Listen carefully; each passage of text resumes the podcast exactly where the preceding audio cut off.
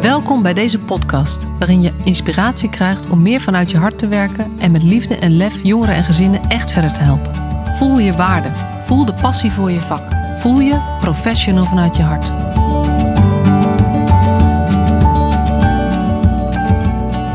Hey, hallo. Voordat je zo meteen gaat luisteren naar het mooie gesprek wat ik heb met Monique Bolle, even iets anders. Namelijk iets heel gaafs. Eh, vorige week heb je het al gehoord misschien, maar voor het geval je het gemist hebt, ik ben genomineerd voor een hele mooie prijs, namelijk de Positivity Award voor de meest positieve onbekende Nederlander. Heel erg gaaf, omdat het de kans geeft om jeugd, jeugdzorg op een positieve manier in het nieuws te brengen. En uh, ik denk dat we daar allemaal op zitten te wachten, dat we er ook allemaal baat bij hebben als we um, als deze positieve vibe die ik probeer mee te geven, als we die door heel jeugdzorgland laten zingen. Dus um, nou ja, ik denk dat, dat aandacht voor, met die Positivity Award heel erg zou kunnen helpen. Dus als je dit een toffe podcast vindt en je steunt um, uh, mijn missie, mijn gedachtegoed, uh, en je wil me helpen om dit verder uit te dragen en meer mensen te bereiken, dan wil ik je vragen om zo snel als je kan, nou, je hebt nog even de tijd tot eind maart, maar toch eventjes te stemmen op het makkelijkste is www.professionalvanuitjehart.nl slash stem. Maar het kan ook via de site van bitawards.nl. Daar staat ook waarom ik genomineerd ben. Inmiddels weet ik ook wie dat geweest is. En uh, nou, hij heeft hele mooie woorden uh, geschreven. Dus uh, als je wil helpen, heel erg graag. Super gaaf als je zelf stemt. Nog toffer als je, uh, als je echt wil helpen om dit groter te maken, is als je uh, de mensen in jouw omgeving ook allemaal wilt mobiliseren om te gaan stemmen. Want dan kunnen we gewoon uh, um, dit geluid um, nou ja, onstage krijgen, zodat meer mensen het horen en meer mensen mee kunnen gaan doen. Nou, ik, ik hoop dat, je, dat je dit voor mij wil doen. En ik wens je heel veel plezier met het gesprek wat ik nu heb met Monique Bolle. Welkom Monique. Ja, dankjewel. Je bent pedagogisch medewerker bij Stichting Jeugdformaat yes. op een uh, residentiële groep, wat bij jullie logeerhuizen uh, heet. Ja. En um, ja, de eerste vraag in deze podcast, die, uh, die je natuurlijk weet, is: ben jij een professional vanuit je hart? Ja, en steeds meer ook, denk ik. Ja. Kan je iets vertellen wat dat voor jou, wat dat voor jou betekent? Wat, wat, wat is een professional vanuit je hart? Dat je eerst naar de mens en de emotie kijkt en dan pas naar eventueel uh, problemen, doelen, uh, afspraken. Dat, ja, dat op de tweede plaats. Ja, dus, dus de mens zien en, en, en je zegt ook de, e, de mens en de emotie. Ja. En wat bedoel je met de emotie? Uh, dat er van alles gebeurt en vaak wordt er gereageerd op de, de acties die er zijn en niet op het gevoel erachter. Uh, nou ja, wat, wat heel uh, actueel eigenlijk altijd wel is, is het blowen op de groep bijvoorbeeld. Ja, je mag niet blowen, allemaal leuk en aardig. Maar wat is, wat is de emotie daarachter? Wat drijf je om dat te doen? Waarom heb je het nodig? Wat voel je erbij? Wat levert het je op? Ja, dat. Ja. En de kwetsbaarheid ook van ouders. Ja, je hebt er niet voor gekozen dat jouw kind niet meer thuis woont. Niemand is aan kinderen begonnen met het idee van... nou, dat is lekker makkelijk, een jaar of acht, stoppen ze in jeugdformaat... en dan uh, is het wel uh, chill. Ja. Dus meer dat erachter. Ja. Dit was nooit de bedoeling. Hoe nu verder? Ja, en dan hoor ik ook wel heel veel erkenning in... voor het verhaal van de, van de ouders en het verhaal van het kind, zeg maar. Ja. Is dat ook waar jij veel, veel uh, ruimte voor maakt binnen je werk? Ja. Ja, dat probeer ik wel heel erg. Ja, ja vond ik mooi. Jij hebt dat een keer in een podcast of interview ook genoemd. Dat je zei, ik kreeg een dossier binnen en dat je denkt, daar is weer zo'n gezin. Omdat, ja, je bent niet de enige met deze problematiek helaas. Er zijn inderdaad meerdere. En als jij die steeds binnenkrijgt, kan je op een gegeven moment zo gaan denken. Oh, ik ken dit ongeveer. Maar dat is natuurlijk helemaal niet zo. Het is heel actueel en heel persoonlijk. En voor hun de enige keer dat ze dit meemaken. Ja. En hoe erg is dat? Hoe erg heb je dit niet gewild? Ja. Nou, vanuit dat gevoel veel meer dan wat ik vroeger meer hard had. Wij gaan je wel helpen. Ja, want, ja dat zei je al. Hè? Je, je wordt het steeds meer, zeg maar, zo'n professional vanuit je hart. Ja. Kan je iets over vertellen? Over, weet je, waar kom je vandaan? En, en uh, uh, wat is je carrière? Ja. Je, werk, je werksituatie geweest? Ik ben uh, begonnen bij Ipse de Brugge. Toen nog de Brugge. En dat is voor verstandelijk beperkte jongeren. En daar werkte je bijvoorbeeld ook met piepers en ehm, fysiek ingrijpen. Dus ik ben op mijn achttiende al begonnen met dat werk te doen. En wat doe je veel is, dit zijn de regels, dit zijn de afspraken, je hebt je daaraan te houden, dit zijn de doelen, daar werken we aan. En als dat niet werkt, niet goed gaat, eh, je gaat niet naar boven om tien uur met je bedtijd. Ja, dan kan ik op de pieper drukken en dan komen er nog drie collega's en dan zorgen we dat je naar boven gaat. Dat is zo korter door de bocht en wel waar je mee opgegroeid bent. Terwijl ik wel eh, heel erg ben van de relatie en een band opbouwen met de jongeren. Wat natuurlijk haak staat op ik ga drie collega's roepen om jou naar boven te krijgen op je bedtijd. Ja. Maar wel waar je lang in gewerkt hebt en wat een soort van normaal wordt, zeker als dat je eerste baantje zo is. Ja. Nou, dan heb je het over 22 jaar geleden, dus gelukkig is er een heleboel veranderd. Ja, want je bent. ehm, eh, je- we hadden het er net eventjes over. Jij hebt na de middelbare school ben je het MBO gaan doen. Ja, En welke, welke richting ben het MBO? sociale dienstverlening. Oké, en van daaruit ben je op je achttiende al bij, bij Ipsen Ja. de Brugge. Want Ja. dat is best jong. Ja, ja, ik deed het ook tegelijk. Ik, had, eh, ik werkte op groep 2 en dat waren jongeren van eh 12 tot ongeveer 15. En ik liep stage in het fasehuis. En dat waren jongeren van 16 tot 19. Ja. Dus ik had jongeren die ouder waren dan ik. Dat best pittig was. Dus ik, eh, het is ook niet gek dat ik vanaf mijn 18e ook altijd al te horen kreeg... let op je afstand en nabijheid. ja. Waar ik ook helemaal kriegel van werd. Want ja, die nabijheid, dat is wel echt mijn kracht. Ja. Maar dat was steeds als, als aandachtspunt kwam dat naar voren eh, Ja. toen. Ja, dat ik daar meer op moest letten. En ik was te veel bezig met eh, de sfeer en aardig gevonden worden. Zo werd het dan genoemd. In plaats van met, eh, met de doelen in je werk. Ja. En eigenlijk doe ik dat nog steeds. Maar veel, wel veel bewuster. Ja. En wat, wat deed het toen met jou? Weet je, want dan ben je hartstikke jong. Je, weet je, Ja. je, doet, je, je, je stapt voor het eerst in, een, eh, in zo'n situatie die je helemaal niet kent. En die ook spannend is. Zeker met, eh, met jongeren die net zo oud zijn als jij. Ja. En dan krijg je als feedback... Je doet te veel om aardig gevonden te worden. Hou het wat zakelijker. Wat, Ja. wat doet het met jou als persoon? Ja, dat is, eh, dat is wel heel lastig. Zeker omdat ik weet dat dat mijn kracht is. En dat ik vanuit daaruit juist zoveel voor elkaar krijg. Want wist je dat toen ook al? Of is dat meer terugkijkend? Dat je denkt van hé, maar dat was mijn kracht en, en die kon ik daar minder gebruiken. Ik kan het nu beter zo verwoorden. Ja. En vroeger dacht ik alleen maar van ja, maar dan moet ik iets gaan doen wat ik helemaal niet zo goed kan uit boekjes en regeltjes. En ja, terwijl gewoon contact zoeken, dat is heel natuurlijk voor mij. Ja. Een mens zien is heel natuurlijk. En dan moet je continu heel alert zijn op, oké, maar wat staat er in de boekjes en hoe moet ik eigenlijk te doen en wat is de methodiek erachter? En dat maakt het ingewikkelder en dus ook minder leuk. Want je bereikt er minder mee, want je bent niet jezelf. Maar dat Ja. kon ik niet zo goed een plekje geven, behalve wel ja, bewust wat afstand nemen. En wel bewust die doelen inzetten en behalen en met een jongere zo gaan zitten. Ja. En daar dan de balans in vinden. Ja. En ben je, ben je daar wat dat betreft je iets van jezelf kwijtgeraakt daardoor? Of, of heb je daar wel een eigen draai aan kunnen geven? Ehm, ik denk dat dat per situatie verschilt. Dat het me echt wel situaties heeft geholpen om de afstand te nemen. En daar bewust van te zijn eh, dat je niet elke jongere zo dichtbij kan laten komen dat je ze er gewoon niet mee helpt. Dat ze ook echt geholpen zijn met wat, eh, wat afstand, wat meer helikopterview. En dat je andere jongeren juist weer helpt om wel die nabijheid te zoeken. Dus ik denk dat het me wel heel bewust heeft gehouden, steeds. Ja. En dat ik nu daar helemaal bewust van ben. Ja, en ook bewust ervoor kiest. eh, Ja. Want wij, wij kennen elkaar. Ik heb, ik heb training gegeven bij, eh, bij Jeugdformaat. En eh, zo zijn we elkaar ook tegengekomen. En dat is ook waarom ik jou uitgenodigd heb in deze podcast. Dat je ook soms voorbeelden gaf waarvan ik dacht... ja, dit is echt gewoon mooi hoe je dat, Ja. hoe je dat doet. En je, je bent bij de Brugge gewerkt. En hoe lang ben je daar geweest? Acht jaar. En daarna ben je doorgegaan naar de jeugdzorg. Ja, Vond je het anders? Werken binnen de... compleet anders. Wat is het verschil voor jou? Want het zijn eigenlijk twee sectoren die voor mijn gevoel hetzelfde doen.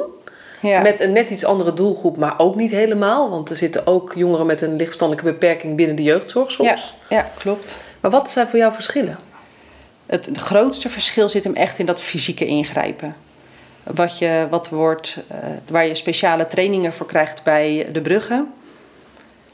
En bij de jeugdzorg is het eh, natuurlijk uit den boze om een jongere aan te raken. Dus dat gebeurt überhaupt niet. Dus ik moest in één keer veel meer met mijn woorden gaan doen. In plaats van met, eh, ik kan op een piepertje drukken. Ja. En weet je of het nog steeds zo is bij de bruggen? Dat Nee. Dat, Nee, dat want dat is, even, dat is ook wel even goed om te noemen. Ja, Dat is, dit is niet om, om eh, negatief te praten over die andere sector. Nee, maar meer gewoon niet. hoe die overgang voor jou Ja. geweest is. ja. En zo lang geleden. Ja, Dus dat zal echt heel anders gaan nu. ja, Maar dat was voor mij wel echt het grootste verschil. Dat ik vaak met collega's moest sparren van ja, maar ze luisteren niet. Hoe moet ik dat dan nu doen? ja. Ja, dan moet je het gewoon met hun erover hebben. Over hebben. Ze moeten luisteren. Ze moeten luisteren, daar hebben ze toch niks aan. Daar leren ze toch niks van. Dus dat was wel echt eventjes eh, schakelen. Ja.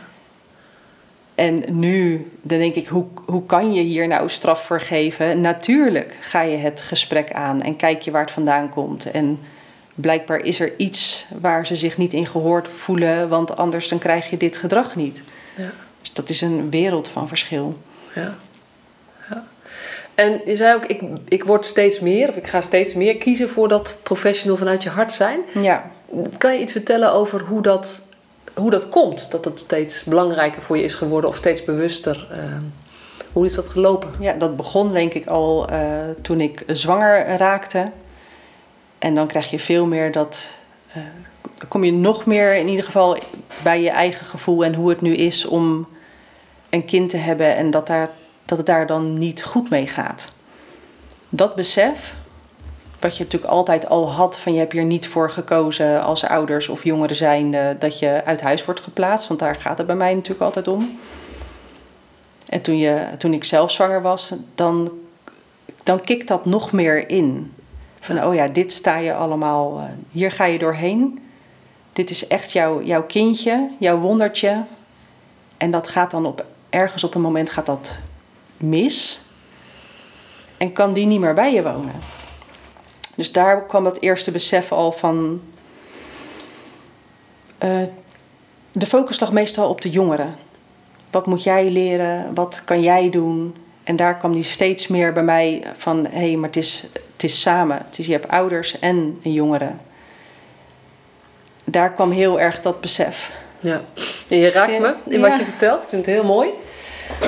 En ehm, aangezien altijd tranen ook een beetje doorklinken in mijn stem, noem ik het maar eventjes. Ehm, ja, ik,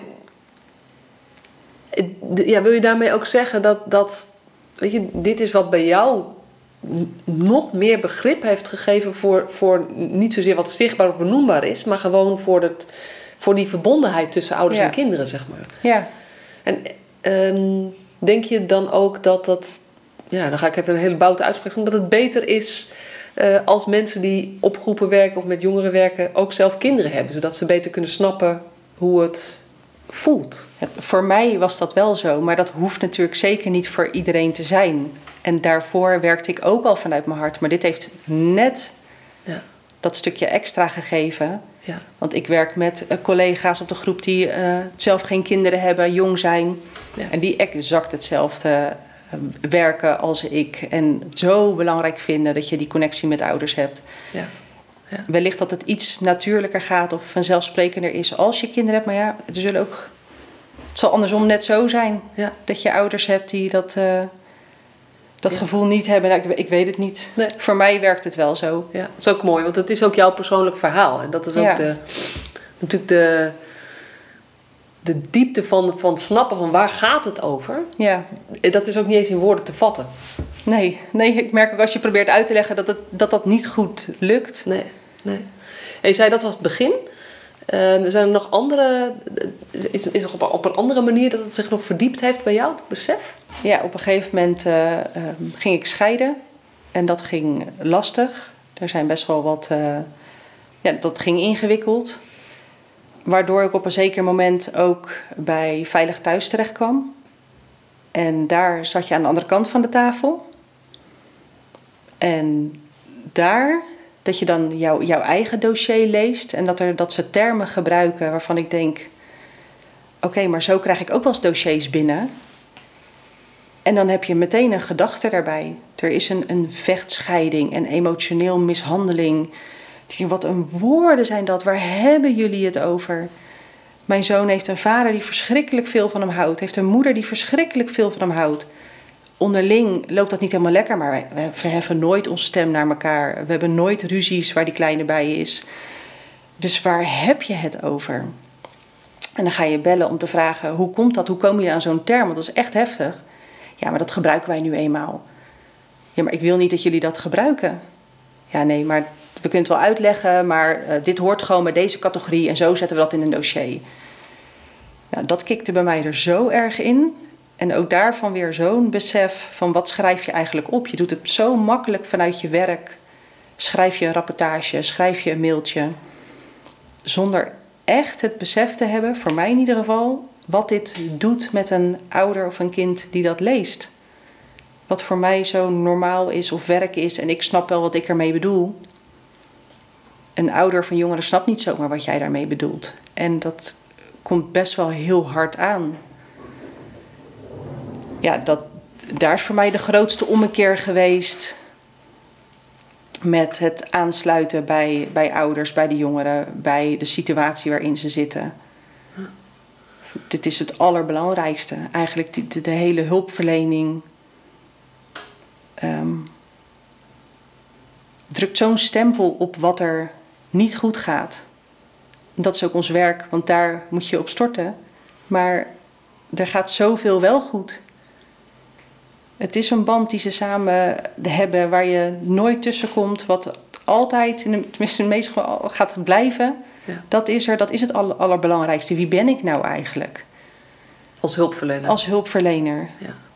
Waar, waar, ja. Ja, en als je aan de andere kant van de tafel zit, zoals jij het zo beschrijft, dan is het opeens word je een probleemgeval. Ja. Waar meningen over zijn. Ja. En anderen vinden iets van jou. Ja. En als ik je goed begrijp, herkende jij je niet in wat er in dat dossier stond? Nee, zeker niet.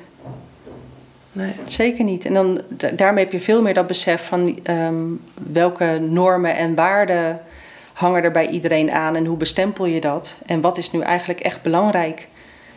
Ja, de asbakken kunnen bij jou op tafel staan. Daar vind ik misschien wel wat van. Maar voor een ander gezin is dat uh, prima en leef je daar gewoon mee. En heeft een kind het dan echt slechter omdat er een asbak op tafel staat? Of omdat ze een vader of een moeder hebben die iets vaker uit hun slof schieten? Of uh, ja, het zijn mijn normen en waarden, maar niet van hun. Ja. Dus je, ik probeer daar veel meer bij aan te sluiten. En als je twee ouders hebt die heel erg, die bijvoorbeeld in een scheiding liggen en hun, of, of gescheiden zijn en hun kind zit bij ons. Je kan je heel erg gaan focussen op de verschillen die er tussen papa en mama zijn. Maar als dat kind toch een vader en een moeder heeft die ontzettend veel van hem of haar houden. Ja, dan is daarmee toch al, dan is de basis er toch al. Ja, en eigenlijk is dit een thema wat ik in mijn podcast of in mijn, uh, waar ik mee bezig ben heel vaak terugkomt. Wat je aandacht geeft, groeit. Ja. Dus wat jij, wat jij nu zegt is, uh, je zei het over je eigen verhaal, maar ook nu over kinderen op de groep. Dat door misschien wel vaker te kijken maar naar wat er wel is. Ja. Weet je, deze ouders die met elkaar in de clinch liggen over hoe ze dingen moeten regelen, wat ook weer uit pijn voortkomt, bijna altijd. weet je? Ja, zeker. We kijken naar het gedrag, maar het gaat om het verhaal erachter. Uh, maar die houden wel allebei heel veel van dit kind. Ja. En dat is ook waarom ze ruzien. Of soms. Ja. Soms ruzien ze om het kind. Ja. En um, nou ja, misschien dan kunnen we het eens hebben over de ruzie. Of we kunnen het over hebben van je hebt, er zijn twee ouders die heel veel van het kind houden. Ja. En dan het kind daar veel meer mee uh, leren om te gaan. Je hebt inderdaad een papa die doet het op deze manier en een mama die doet het op die manier. Ja. Maar kijk eens, ze houden alle twee hartstikke veel van je. Ja. Dus ja, laten we kijken hoe dat voor jou makkelijker is, zodat je daarmee om kan gaan. Maar ja, je kan je ouders niet echt veranderen. Nee. Dus laten we kijken naar hoe het is. En hoe het voor jou makkelijker maakt om dit op deze manier een plek te geven. Ja. Naast het kind staan in de realiteit die er is. En niet te veel praten over, het, over dat er een probleem is. Ja. Maar weet je, joh, dit is het gewoon. En ook wat nuchter op een bepaalde manier. Ja, en vaak hebben de jongeren die bij ons zitten ook al eh, externe hulp. Wij zijn geen behandelgroep.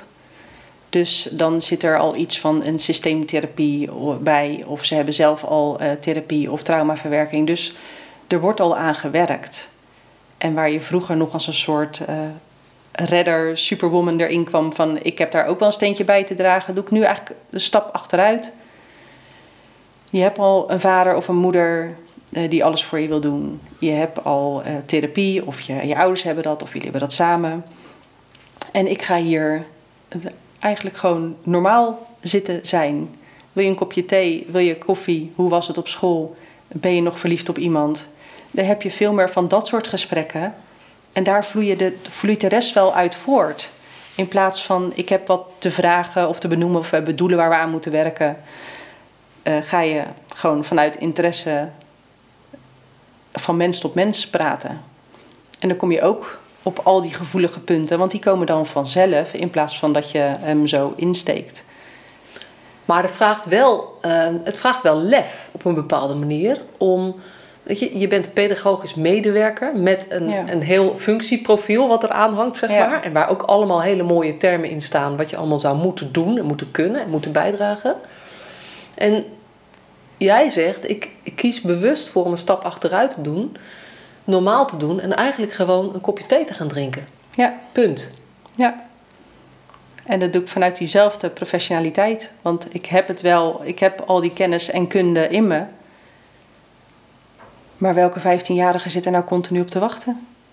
Als de gesprekken zo lopen waar ik dat kan gebruiken, dan, eh, dan kan je het daarover hebben. En dan, dan kan je inderdaad op aanvullen. En zo niet, dan bouw je een hele mooie band op waarop ze vervolgens met jou vertrouwd genoeg zijn om bloot te leggen wat er nog meer dwars zit. En misschien ook niet. Ik hoop het eigenlijk niet, want ik probeer het heel erg te vertalen van heb je dit ook met je moeder besproken? Heb je het met je vader besproken? Wat zou je daar kunnen halen? Dus vaak als ze twijfelen, moet ik dit veel vertellen? Dan is geregeld mijn antwoord, nou liever niet. Ik heb liever dat je, het gewoon, dat je van je vader nu belt of je moeder nu belt. Want die kunnen daar veel meer mee en daar heb jij veel meer aan dan dat je het nu tegen mij vertelt. Maar dat is ook jezelf kleiner maken en minder belangrijk maken. Ja.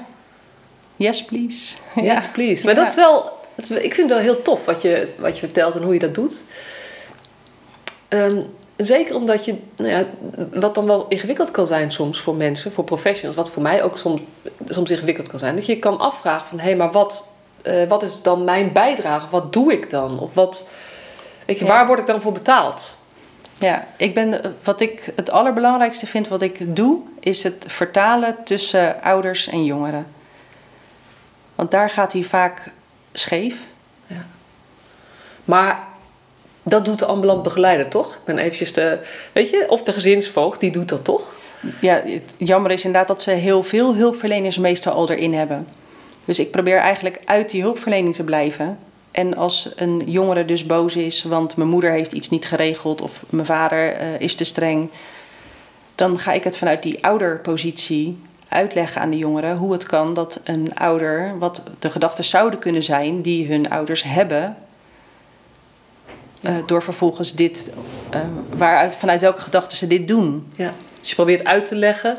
En gebruik je dan ook als voorbeeld van, joh, ik ben zelf ook moeder. Ja, zeker. Ja? ja. Ja, gebruik je dat veel? Breng je dat veel van je eigen stuk dan ook Ja, mee? het is een heel groot gedeelte van wie ik ben. En eh, de jongeren die, die weten dat ook voor mij. Ja, als ik een avonddienst heb of een slaapdienst, dan wordt er altijd een filmpje gestuurd naar mijn kinderen. Dus dan sta ik met mijn telefoontje, met mijn, mijn gezicht in beeld, een filmpje in te spreken met eh, welterusten en slaap lekker. En ik zie dat, ja. Dus zij zien dat ik daar ook dat doe je erg- niet even op... Ik weet niet of jullie, hebben jullie nog een kantoor? Binnen jullie... eh, Wij hebben nog een kantoor, maar ik doe dat inderdaad op het moment. eh, ja, ik doe het in de keuken, in de woonkamer waar, waar ik ben. Ja. En daarmee geef je ook inderdaad wel dat, dat voorbeeld van die verbintenis die ik heb met de kinderen, die de kinderen met mij hebben. Ook al ben ik even weg. ja. Ja. En ik hoop wel dat dat eh, inderdaad voor de jongeren ook stimuleert. Ja, dit is het allerbelangrijkste. Ja. Als jongeren naar buiten willen, ergens mee zitten, ja, continu verwijzen naar ouders. Ja. Als een jongere zijn bed niet uitgaat om naar school toe te gaan, dan contact ik ouders. Het lukt mij niet. dan is het fantastisch als ik het antwoord krijg, nou weet je Monique, ik help je wel eventjes. En dan hangen ze mij op en dan gaan ze zelf hun zoon of dochter bellen. Ja. Ja, dat Ja. is toch briljant. Dat is briljant, maar dit is ook precies het thema wat, wat, eh, waar ik zo door geraakt was eh, toen bij die training.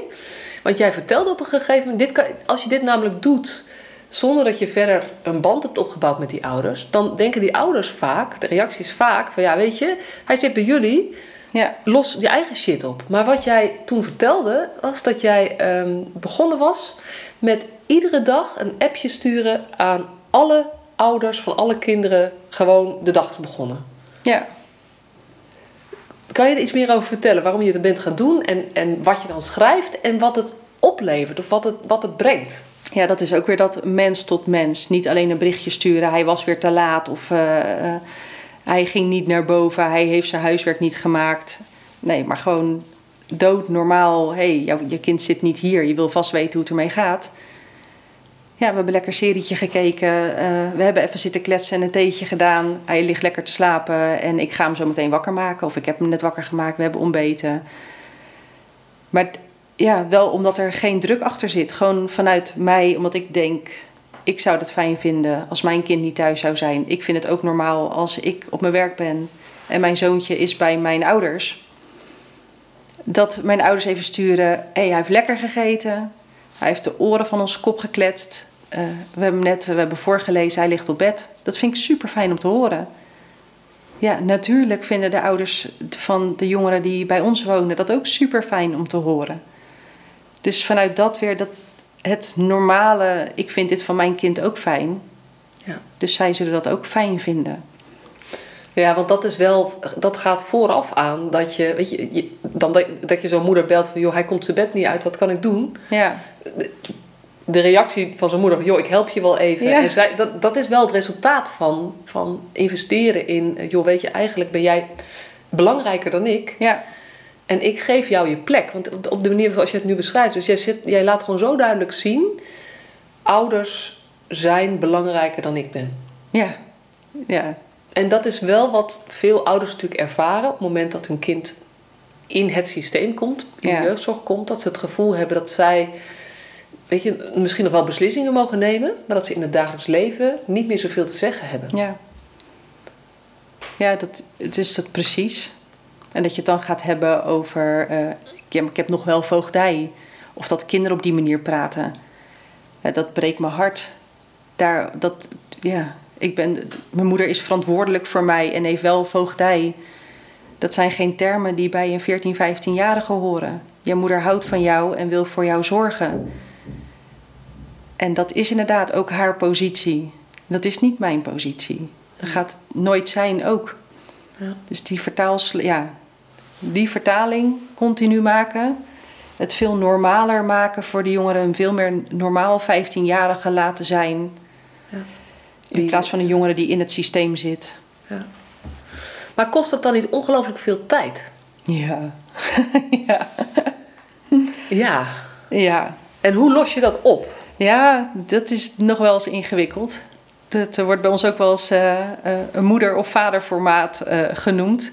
Omdat je zoveel... con- Dat is zo'n verschil met jaren geleden. Je hebt veel meer contact met ouders.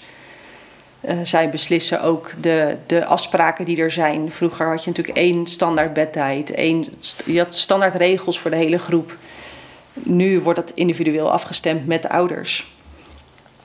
Dus regels, afspraken, maar ook de, de consequenties. Je overlegt het allemaal met ouders. Dus ja, je bent heel veel aan het bellen met de ouders Ja. om te overleggen. En, en nou ja, jij, jij doet dat ook al een beetje vanuit jezelf. Maar hoe is dat voor je collega's? Doen alle collega's dat zo gemakkelijk? Of is dat soms toch nog wel lastig ook om mensen om, om het op die andere manier te benaderen? Ik denk dat ons hele team hier wel vrij goed in is. We hebben natuurlijk heel, heel jeugdformaat heeft jouw training ook gehad. Wat ontzettend helpend is. Dat is denk ik een jaar vijf, zes geleden. Weet jij misschien beter dan ik? Ja, ik ben 2014 zijn we ermee begonnen, 2015. En toen hebben we, ehm, eh, ik heb een methodiekbeschrijving toen gemaakt. Ja. Eh, en hij heet jongerencoaching, maar eigenlijk is die naam niet goed. Want eigenlijk zou je het veel meer richting dat gezin en die ouders moeten hebben. Ja. Maar inderdaad, een heel belangrijk onderdeel is zorg dat je niet de plek inneemt. Ehm, en ehm, dat is 2014, 2015 geweest, dus dat is eh, zo lang eh, geleden inderdaad. Ja. En, en het is wel leuk om te delen dat inmiddels bij Entrea eh, in de buurt van Nijmegen zijn we ook hiermee verder gegaan. Zijn we Ja. ook op die manier aan het werk. Ja, dat heeft zo'n wereld van verschil gemaakt. Want je geeft inderdaad de, de, de positie weer terug aan ouders die ze ook hebben. Ja. Daar moet al niet eens een vraag over zijn. Die positie, die hebben ze. Ja.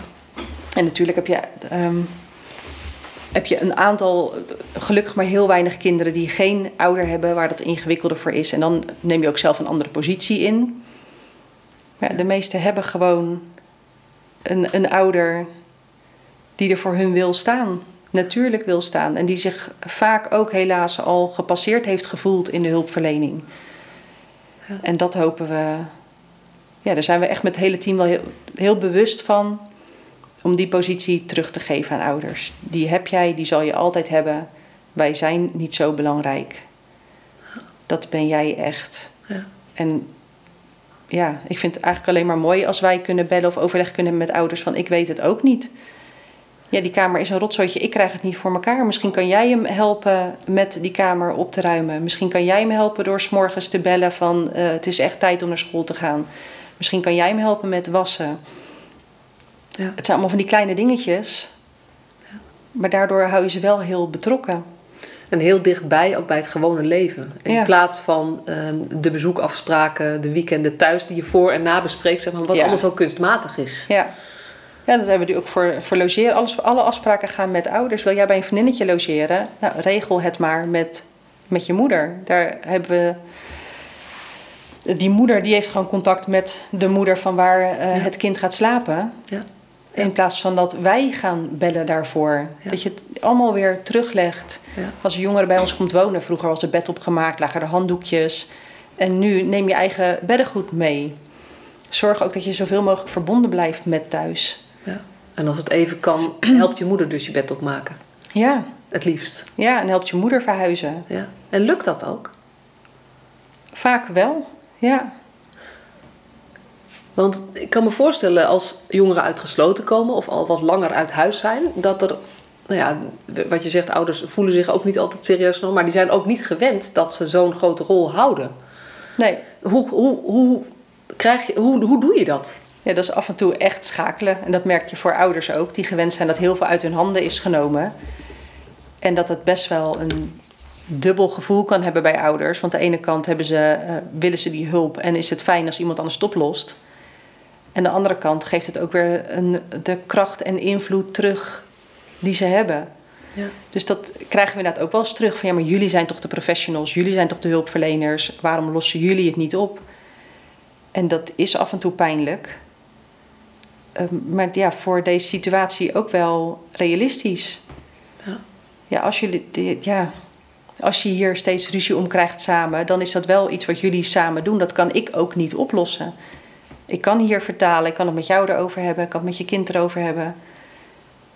Dit is wel iets wat jullie samen, samen eh, doen en samen kunnen doorbreken. Ja. ja, en wat ik super mooi vind, hoe je dat nu vertelt, is eh, heel vaak wat je ziet bij een uithuisplaatsing, is dat eigenlijk de conflicten die er waren tussen kinderen en ouders, die, die zijn eigenlijk weg omdat het kind uit huis is. Ja. Maar eigenlijk verandert er niks. Nee, En dan, soms heb je natuurlijk wel systeemtherapie waarbij wel over, over dingen gesproken wordt. ja. Maar juist de, de dagelijkse dingen waar heel veel gedoe vaak over is in Ja. gezinnen. Zoals ervaar ik het zelf ook, zeg maar. ehm, dat nemen wij als hulpverlening helemaal over. Ja, En wat jij nu vertelt is eigenlijk juist die dagelijkse dingen waar het gedoe over is... wil je zoveel mogelijk ook nu laten oplossen. En bijdragen aan dat ouders en kinderen daar samen uitkomen. En eigenlijk ook laten zien dat het normaal is. En dat is wel iets eh, wat ik zo lastig vind aan de hulpverlening die wij binnen Nederland hebben. Dat er, ik denk vanuit angst, omdat eh, als het misgaat, komt het in de social media terecht. Dus jongeren worden uit huis geplaatst. Maar als die ene stap, al is het maar voor een noodbedje of een crisisopvang, als jij hem uit huis bent geplaatst geweest, is die stap daarheen makkelijker. Eh, ik heb ook wel eens bonje met mijn kinderen en we zijn het ook wel eens oneens en ze zijn ook wel eens boos op mij. En dan ga je het daarna oplossen, dat is normaal.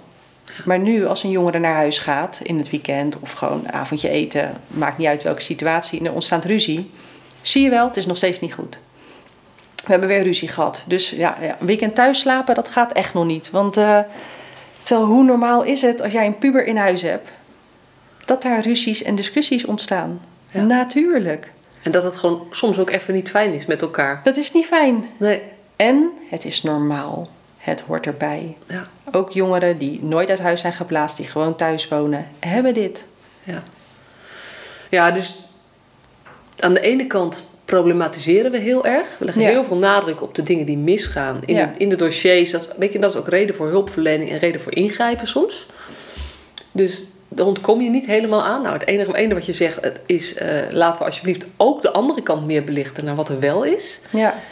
En het tweede punt wat je, wat je eigenlijk naar voren brengt is... ehm, het is...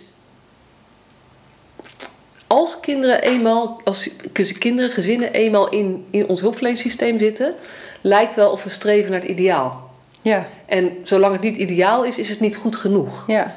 Terwijl, eh, eh, ja, wat ik altijd zeg is, laten we het hebben over wat is realistisch. En Ja. gedoe met een puber die zijn bed niet uit wil komen, Ja. of die zijn kamer niet wil opruimen, of die te veel gamet, of te veel op zijn telefoon zit. dat is echt mega normaal. Weet je, mijn zoon is 13 nu. Nou, Ja. ik, begin het te, ik begin het echt te merken hoe lastig dat ook is. Ja. En, En- normaal. En normaal. Terwijl, ik herken wel wat je zegt. Op het moment dat een kind uit huis is, of Ja. uit huis is geweest, dan zijn dat redenen om te zeggen: nee, het gaat nog niet goed thuis. Ja. En voor je het weet zit dat kind wat eigenlijk alleen maar voor een noodbedje of een crisis uit huis was geplaatst, zit jaren niet thuis. Nee. En Want ja, school is nog steeds een probleem. En ik snap als ouder dat het je hart breekt. Je wilt dit niet voor je kind. Je wil dat hij zijn school afmaakt. En je wilt dat hij goede vrienden heeft. En tegelijkertijd is het ook wel gewoon wat, wat gebeurt. Wat in heel veel gezinnen gebeurt. Ja. Nou, het, de, de pech die je hebt gehad... is dat je, dat je nu moet balanceren tussen uit huis geplaatst en in huis... En wat ik me heel goed voor kan stellen, de rust die je ervaart als, eh, als je kind eventjes ergens anders slaapt. Want dan heb je inderdaad die ruzies niet. En dan kan je makkelijker het leuke contact hebben. ja. Maar je mist ook wel een hoop dan. Ja, en ik moet even denken, wij zijn allebei gescheiden natuurlijk. We hadden Ja. het er net van tevoren ook over dat als je kind er niet is, omdat hij bij zo'n andere ouder is, dat je dan ook gewoon, dat je ook af en toe denkt, hé, hé, even lekker. Ja, Dus in die zin. snap ehm, ik dat. Ja, precies. Ja. Wij, wij snappen het ook echt dat, het, dat het ook lekker kan zijn. Ja, Maar je geeft zoveel meer weg dan. ja precies. En, en dat is, nou ja, dat zou gewoon, eh, daar moeten we anders mee omgaan. En ik vind dat je heel mooi vertelt hoe je ouders hun plek kan teruggeven vaak. Ja, Want ehm, misschien nog even apart, als jongeren al uitgesloten komen, dan is, lijkt het me extra lastig om die omslag te gaan maken naar. Ja, eh, want, want in gesloten wordt eigenlijk toch heel veel beslissingsrecht, alles. ja, alles zelfs, Ja. wordt overgenomen. Ja, Zowel van het kind, maar ook van de ouders. ja, Die, die, worden, ja, die hebben niet zoveel eh, te zeggen meer. En dan wil je eigenlijk toe naar een situatie waarin kinderen en ouders weer dingen met elkaar regelen. ja. Hoe doe je dat? En, ga, en lukt dat? En kan dat? Of is dat eigenlijk, weet je, hebben we dan iets, iets, is er iets fundamenteel veranderd of zo waardoor het niet meer lukt? Eh, nee, want ik denk dat het altijd wel lukt. Misschien niet op de manier die je idealistisch is of voor ogen hebt of het liefst zou willen. Want die stap is enorm groot. En het begint al met hele kleine dingetjes als... mag ik dit weekend op verlof? Denk ik, verlof? Je gaat gewoon naar huis. Dat dat al... Ja, dat is heel moeilijk. Ze hebben hele andere termen, hele andere dingen zijn normaal. Ouders zijn inderdaad heel erg gewend dat alles op de groep geregeld wordt. Het is op de groep gebeurd, dus ik verwacht dat er op de groep straf gegeven wordt. Eh, als het op de groep niet goed gaat, dan eh, niet naar huis het weekend. Dat zijn, daar moet je flink op investeren om dat op de een juiste manier te doen. En dat is een moeilijke stap voor ouders en voor jongeren ook heel erg. En ook voor ons om daar dat balans in te vinden. Want het, het is een mega groot verschil van gesloten naar een open instelling. En jongeren hebben het op gesloten natuurlijk ook echt verdiend om weer in die vrijheid te zitten. En dan is het voor hun wel heel lastig om tussen jongeren te komen die die vrijheid al hadden. Want van nul vrijheid naar altijd naar buiten mogen, altijd je telefoon mogen. Die stap is heel erg lastig. Maar als je gaat zeggen van oké, dan doen we dat voor jou in stapjes. Dus je mag maar een paar uurtjes naar buiten of jij levert je telefoon op bedtijd in. Dan hebben ze weer de uitzonderingspositie, want het is zo anders dan alle anderen die er zitten. Dus daar komt ook weerstand van. Ja. Dus dat vraagt heel veel gesprekken, heel veel investeren, heel veel overleggen. Ja. En daar hele korte lijntjes in houden. Met, met jongeren, met ouders en eventueel betrokken hulpverleners. Ja. En eigenlijk doe je daarbij hetzelfde als waar we mee begonnen. Gewoon begrip hebben voor hoe het is voor die ander. Horen, hey, hoe, hoe kijk jij er tegen? Wat vind je ervan? Dit is de andere kant van het verhaal. Zeg maar, elkaar proberen uit te leggen en in verbinding proberen te, te komen. Ja, ja, die verbinding draait echt allemaal op. Die heel, of om. En die heel bewust continu weer terugleggen. Ja, ja. ja want dat vertelde je ook. Hè, toen, uh, een, een, tijdje geleden waren de coronarellen ja. in Den Haag. En uh, uh, Jeugdmaat is, is omgeving Den Haag. En toen zei je, ja, eigenlijk is het gek. Onze jongeren doen het zo goed. Ja, ja en dat vond ik eigenlijk ook normaal. Wij hebben een vrije hechte groep. Dat hebben we al jaren. Dat heb ik ook echt wel anders meegemaakt we doen het samen. Een van mijn jongeren zei het heel mooi dat we, we vechten samen tegen het probleem. En je moet niet vechten tegen elkaar. Ik, daar gaat hij inderdaad ook wel vaak mis dat jongeren dan tegen leiding of tegen ouders aan het vechten zijn, terwijl je juist samen bezig bent om iets moois neer te zetten. En als dat, dat wordt dan vertroebeld door eh, bijzaken, door, door gevechten te houden over bijzaken, terwijl je een gezamenlijk groter doel hebt waar je voor wil gaan, dus waar je voor vecht. Ja. En dat. Ehm, en dat lukt jullie, omdat wij zij. Weet je, natuurlijk zal het er af en toe zijn. Ja, maar, we doen het samen. We doen het samen. En dat is wat de jongeren voelen en dat is wat jullie als team ook voelen. Ja. ja. Dus dat is zo'n basis die er bij ons is. Dus dat die rellen waren, uh, nou goed, dat, dat waren rellen. Daar hebben we niet zoveel mee te maken. En um, dat jongeren niet met z'n allen naar buiten mogen of met de avondklok om negen uur binnen zijn. Nou ja, onze jongeren die doen dat allemaal netjes. En als ze merken dat ze misschien iemand bijna te laat gaan komen, dan stappen ze op een fietsje en dan gaan ze een groepsgenoot ophalen om te zorgen dat hij ook netjes voor negen uur binnen is. Ja. En toen hoorde ik dus van een andere collega van nou, dat is dus, want ik zeg het is eigenlijk wel momenteel relaxed werken, want alle kindjes zijn netjes om negen uur binnen, dus alles ligt op tijd en dat is wel, uh, dat is fijn. En die collega zegt nou, dat is niet overal zo. Sommigen die zijn, hebben daar uh, lak aan en die gaan gewoon naar buiten en die zijn gewoon later terug of die doen zelfs mee met rellen. En dan besef je weer van oké, maar dus wij doen wel iets heel bijzonders bij onze op de groep dat die kinderen zich ook zo verbonden voelen ja. en dat goed willen doen. Ja. Dus dat is echt super mooi. Ja. Ja. ja, en ook heel mooi verwoord. Want, want we doen het samen, zeiden de jongeren. Maar dat is natuurlijk eigenlijk hetzelfde wat je vertelt over ouders. Je probeert daar naartoe te... Je probeert zo'n samenwerkingsrelatie te bouwen... Ja. dat het voor jou voelt als we doen het samen... maar ook dat het voor de ouders voelt, we doen het samen. Wij zorgen samen voor jouw kind. Ja. En jij bent belangrijker dan ik. Ja.